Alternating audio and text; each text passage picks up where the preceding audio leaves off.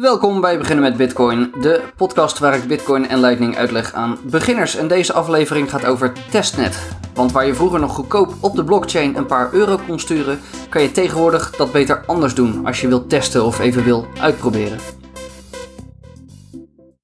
Zoals je misschien gemerkt hebt, wordt het steeds drukker op het Bitcoin-netwerk. Steeds meer mensen willen Bitcoin-transacties doen.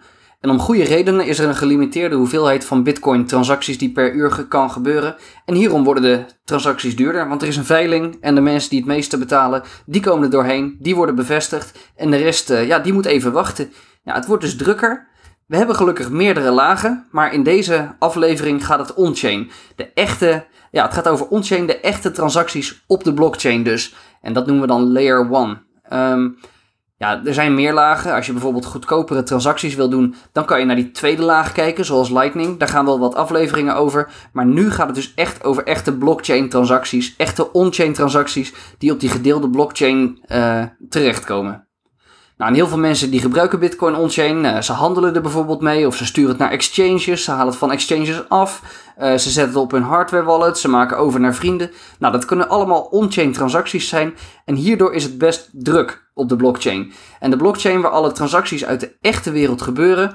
En uh, ja, waar jij dus ook je Bitcoin vandaan krijgt. De, de Bitcoin blockchain, die noemen we mainnet ja, mainnet, het main network, het hoofdnetwerk dus. En dit is echt de blockchain waar we het over hebben als we het over de Bitcoin blockchain hebben. Dat is die blockchain, die staat op meerdere computers, tienduizenden computers. Misschien heb jij ook wel een waar die, uh, waar die op staat. En dat, dat is dus de algemene blockchain die bij iedereen bekend is. Mainnet dus. En als mensen het hebben over uh, bijvoorbeeld ik ben de blockchain aan het downloaden op mijn node, dan gaat het zo goed als altijd om de mainnet blockchain. Nou, als je op deze blockchain, de echte Bitcoin blockchain, als je hier een, eh, een simpele transactie op wil doen, gewoon om even te testen, bijvoorbeeld van 5 euro, dan, um, nou, dan is het prima mogelijk dat je ook al 5 euro transactiekosten moet maken. En dat is dus best wel duur als je het even wil proberen. Nou, en hier zijn wat oplossingen voor. Echt puur voor het, voor het testen en om te kijken hoe het werkt. En als je zelf wat wil proberen, misschien maken, ben je applicaties aan het maken, dan is het niet ideaal als je steeds 5 euro voor ieder testje moet, uh, betalen. Ja, we houden dus de mainnet Bitcoin blockchain als hoofdblockchain om waarde op op te slaan. Maar er zijn oplossingen als je dingen wilt testen. En dat uh, werkt namelijk zo. Naast die hoofdblockchain, naast mainnet, zijn er twee veelgebruikte blockchains om te testen. En dat zijn testnet en dat zijn signet. Nou, zowel testnet als signet, die kan je dan gebruiken om transacties mee te proberen. En de meeste software wallets die je op je computer downloadt, uh, en sommige op je telefoon ook wel, die installeren ook een testnet versie mee. Of er is een testnet versie van die apart in een app store te verkrijgen is. Nou, je kan bijvoorbeeld makkelijk testen door uh, ja, of Bitcoin Core of Electrum, die ken ik toevallig. Uh, als je die downloadt, dan uh, installeert hij ook meteen de testnet versie.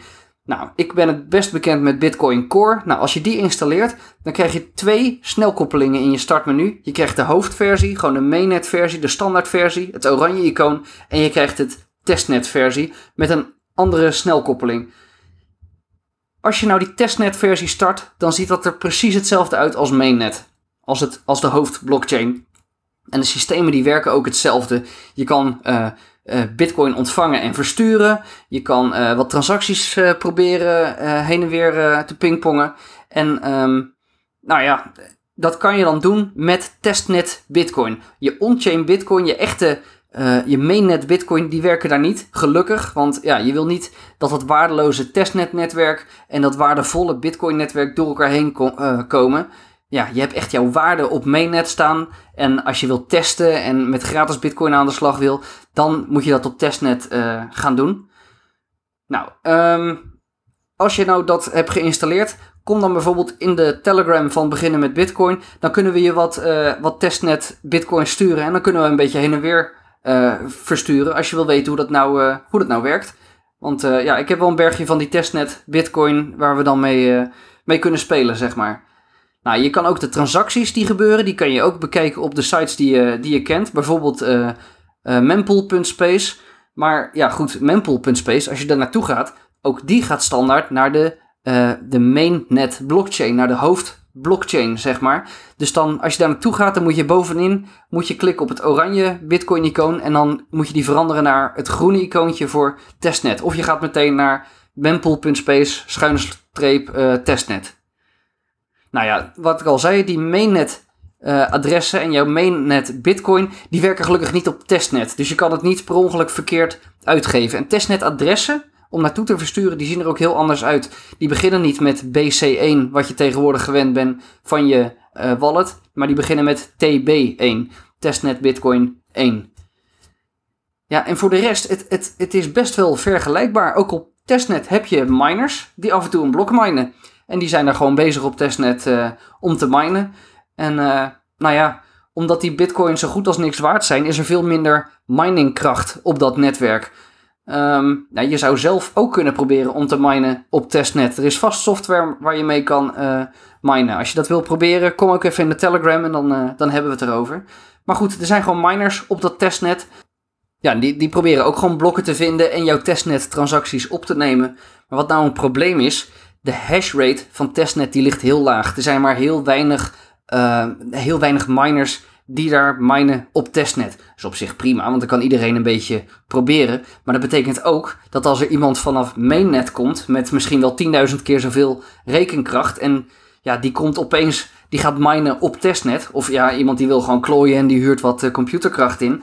Ja, dat is een stuk goedkoper, omdat er, ja, er is veel minder hashrate. Dus je kan het veel makkelijker uh, ja, beïnvloeden, zeg maar. En dan komen er misschien opeens elke vijf seconden komt er een nieuw testnet uh, blok. Nou ja, en dan, dan moet die difficulty moet weer gaan veranderen, omdat er uh, te veel blokken zijn. En dan moet hij dat weer aan gaan passen na 10 minuten. Ja, en, en zeker in het verleden, ja, daar is nog wel eens geklooid op dat testnet door mensen met een, met een machine. En die dachten van nou, vlammen met die, met die zooi. En gaan we gewoon een beetje, een beetje irritant lopen doen. Nou, en om dat nou op te lossen is er nog een tweede netwerk voor testers en voor ontwikkelaars. En dat netwerk heet Signet. Nou, Signet dat werkt net iets anders dan mainnet en testnet. Want uh, ja, waar je op mainnet en op testnet, waar ik het dus over had, waar je dus nog steeds miners hebt en uh, ja, alles wat daarbij komt kijken en uh, um, ja, difficulty en, en bloktijden die aangepast moeten worden. Signet die werkt net even anders. Signet staat voor Signature Net. Ja, signatures, die ken je, dat, dat kennen we van transacties. Maar in dit geval zijn het zijn er ontwikkelaars, Bitcoin Core ontwikkelaars, die moeten tekenen voor nieuwe blokken. Nou, en er zijn nu uh, twee ontwikkelaars volgens mij die de keys hebben om te minen op dat, op dat signet. Um, ja, en die zorgen dat, die, dat de blokken regelmatig binnenkomen. Dus ongeveer elke 10 minuten. Ja, en dat ontwikkelt ook een stuk prettiger als je, als je apps aan het maken bent of mobiele wallets of, of ja, wat voor wallet dan ook. Ja, als je iets met die bitcoin wil gaan doen, ja, dan is het veel handiger om ja, een, een geleidelijkere tijd te hebben waarin die bitcoin binnenkomen. Nou, dat zijn dus je opties. Testnet is een heel makkelijke om te beginnen. Dus als je Bitcoin Core uh, downloadt, dan krijg je ook die testnet versie erbij. Kom in de groep, stuur jouw uh, testnet uh, adres. Dat begint dus met TB1. En dan kunnen we uit de groep kunnen we je wat bitcoin sturen. En dan kan je wat, wat proberen qua transacties.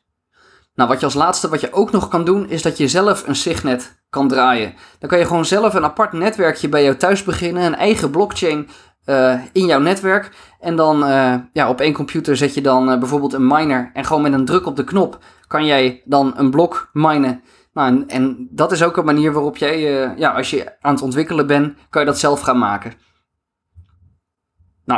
Het makkelijkste is, is dus testnet. Als je Bitcoin Core downloadt of Electrum, dan uh, krijg je gewoon toegang tot dat, uh, dat algemene testnet netwerk. En zeker als je gewoon wat transactietjes wil proberen, dan is dat hartstikke leuk. En uh, kom dus in de groep voor wat voor testnet Bitcoin.